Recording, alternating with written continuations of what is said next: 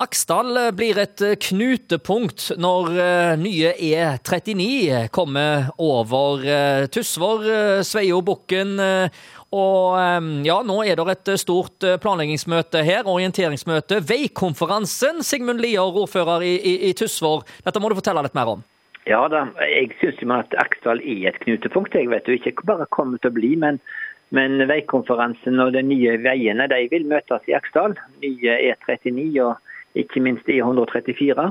Tysvær kommune tok initiativ til for noen år siden en veikonferanse i Aksdal, som nå er blitt en tradisjon, og som Haugaland Vekst som holder mest i, men som er et stort samarbeidsprosjekt med, med mange ulike aktører som er opptatt av nye, bedre veier. og Veikonferansen den vil ha fokus på de store nasjonale trafikkorridorene E39 og E134.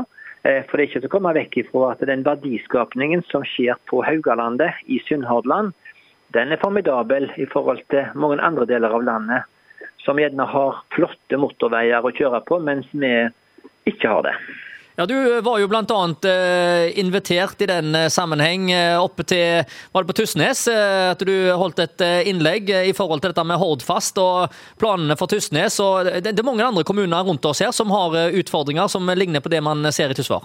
Ja, absolutt. Ja, jeg sa når jeg var på Tysnes at jeg er nokså sikker på at folk som bor på Reksteren, kommer til å ville jobbe i i Haugaland næringspark om noen år, når veisystemene er der. Eh, fordi at der kommer alle de store grønne nye arbeidsplassene på Vestlandet. De kommer i Gismarvik i årene som kommer. Eh, og da vil det faktisk være et felles bo- og arbeidsmarked mellom Bergen og Stavanger. Eh, det å pendle 45 minutter på arbeid, en time, det er ikke uvanlig, i alle fall på Østlandet.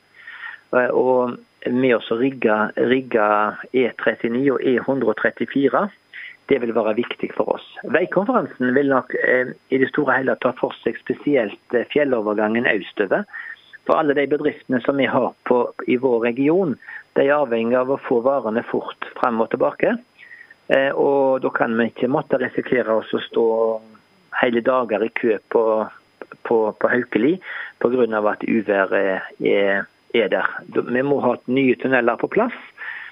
Eh, og det hadde ikke blitt tillatt andre plasser i landet hvis, hvis veiene skulle være stengt så ofte og så lenge som vi ofte kan oppleve på våre trakter vinterstid. Seljestad-Røldal er jo nummer to på Statens vegvesens prioriteringslista, så denne bygginga her vil være viktig òg for vår eh, region. og Det er det jo mange som har tatt til orde for over lengre tid. Nå ser det ut til å bli en realitet, kanskje enda raskere enn en eh, hadde tørt å håpe på.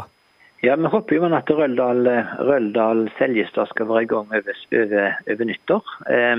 Jeg tar for gitt at regjeringen følger opp Statens vegvesens prioriteringsliste. Den tunnelen den vil sikre at eh, tungtrafikken slipper å kjøre ned om Røldal, og vi vil spare miljøet ganske kraftig. Bakka Solheim, som, som, er viktig for hele regionen, det håper vi og tror at det, eh, må jobbes opp og fram. Det ligger ikke nok penger i NTP til å mer enn å regulere deler av dette strekket. Og Det er nå en kamp eh, inn mot neste NTP å få reelle penger til å utbedre. Og Da er det jo man området fra Bakka til Etne som vil være førstepri. Eh, og så er det da resten av, av strekket etterpå. Ja, Det sier altså ordfører i Tysvær, Sigmund Lier.